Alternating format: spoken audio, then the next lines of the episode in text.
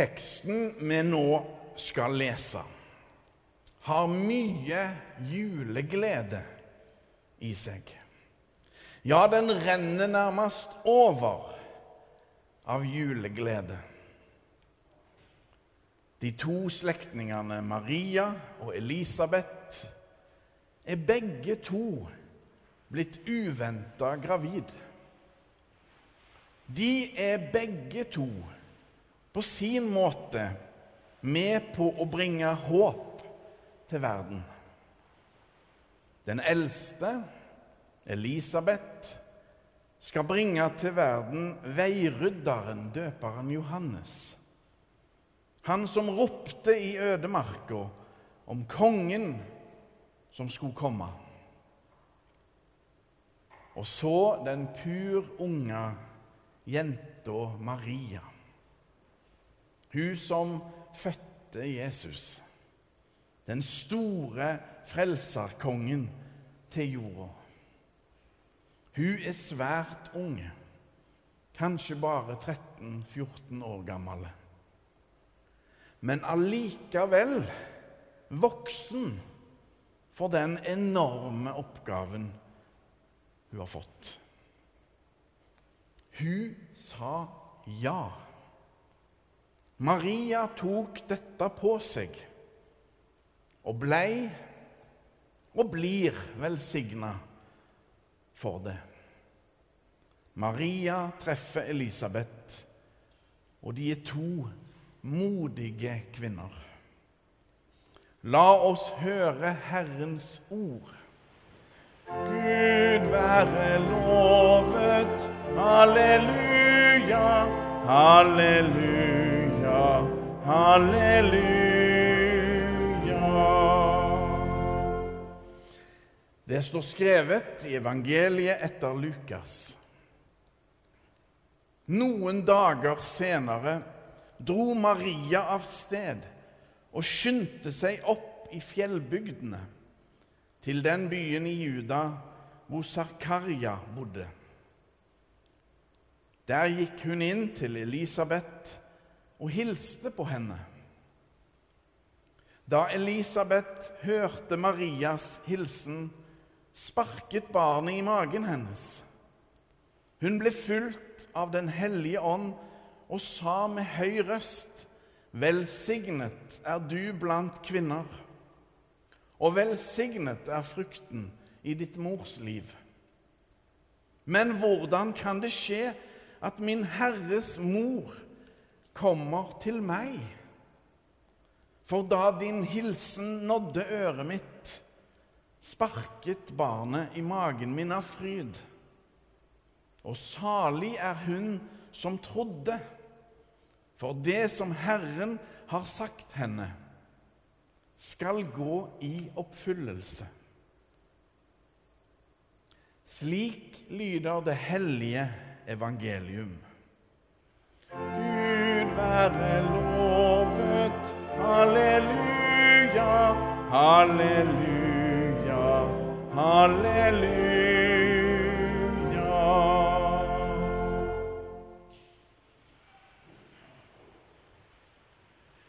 De som har greia på det, de sier at fosteret allerede ved halvgodt løp, altså etter 20 uker, har hørselen på plass.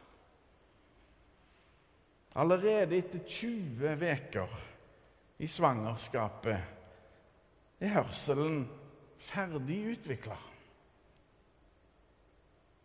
Så når evangelisten Lukas skriver at Elisabeth sier til Maria at fosteret i magen hennes sparker av fryd, så er nok det riktig. Hun var allerede seks måneder på vei. Og Johannes er allerede blitt den han er, og sparker av fryd. Julefryd. Og denne julefryden har sitt grunnlag i at disse to vordende mødrene, begge har sagt et klart og tydelig ja til sin Herre, til sin oppdragsgiver Gud. De vet hva som er det rette å gjøre.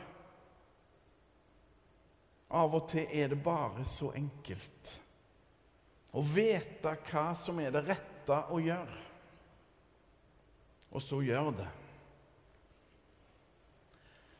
Dette er Guds vilje.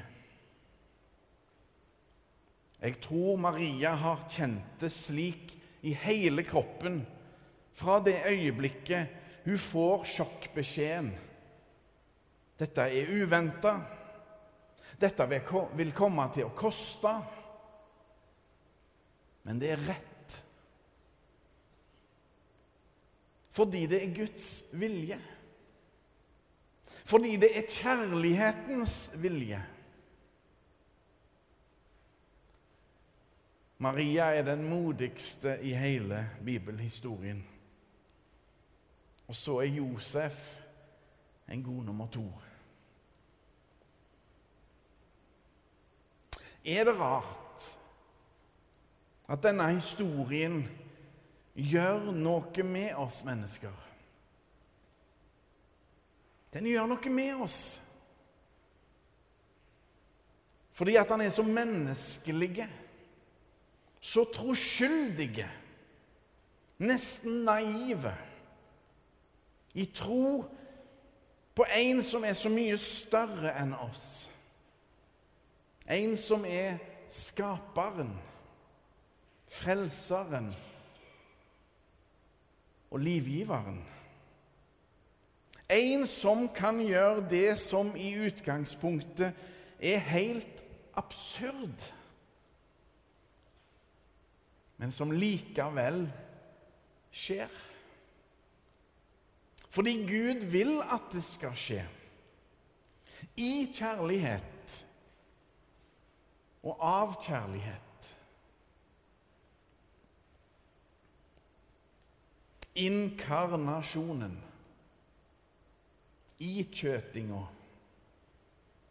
Dette fremmedordet som betyr at Gud blir menneske.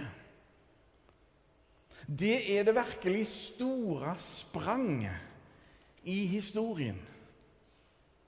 Gud stiger ned til sin elskede verden og han kom ikke ovenfra, men nedenfra. Født i fattige, enkle kår. Det er så sterkt at det er vanskelig å sette ord på det, egentlig. Verden var aldri helt forlatt. Verden var aldri helt forlatt, sier Jens Bjørneboe i et juledikt. Og Den setningen den dukker opp igjen i sangen 'En stjerne skinner i natt'. Julanatt blir håpets og troens store triumf. Fordi at alt får mening i lys av denne enorme, lille begivenheten. Idet Jesus blir født, trer kjærligheten for fullt inn i en verden som hungrer og tørster etter nettopp det. Kjærlighet. Hva er egentlig en helt? De aller største heltene er de som bringer kjærligheten inn i verden. Og ingen kan da sammenlignes med Maria. For Maria tar imot den største utfordringen noe menneske noen gang har blitt gitt. Hun blir Guds mor. Hun føder Gud inn i verden. Noe større har aldri hendt. Selveste Guds frelsesplan blir en realitet på grunn av henne.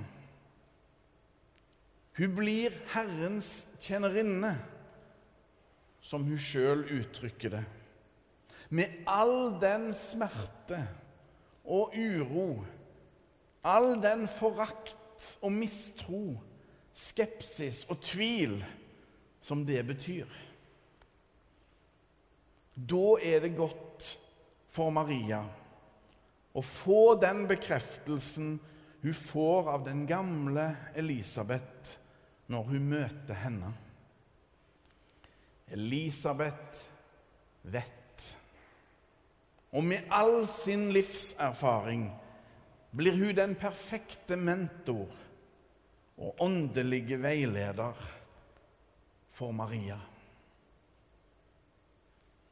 Elisabeth blir Guds redskap direkte inn i Marias situasjon. Via henne gir Gud Maria den styrken hun trenger de tre månedene hun er der på besøk i fjellbygda.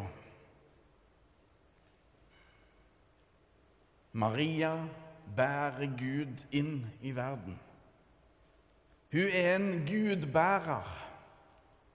Det er også vår oppgave å bære Jesus inn i en verden som virkelig trenger Guds kjærlighet mer enn noe annet. Vi er alle et under, hver på vår måte.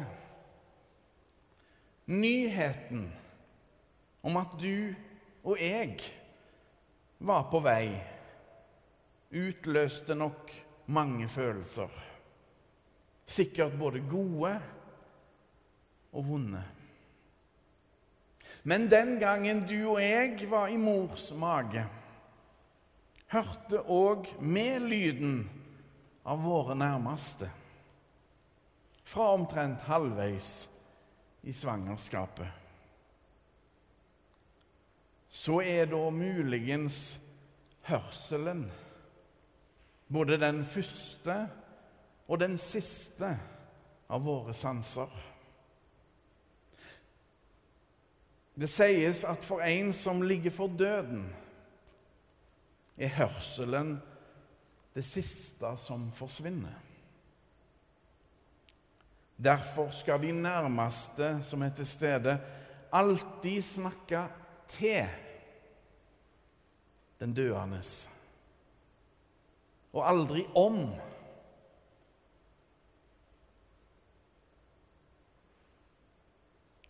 Hos Gud er det god lyd å få.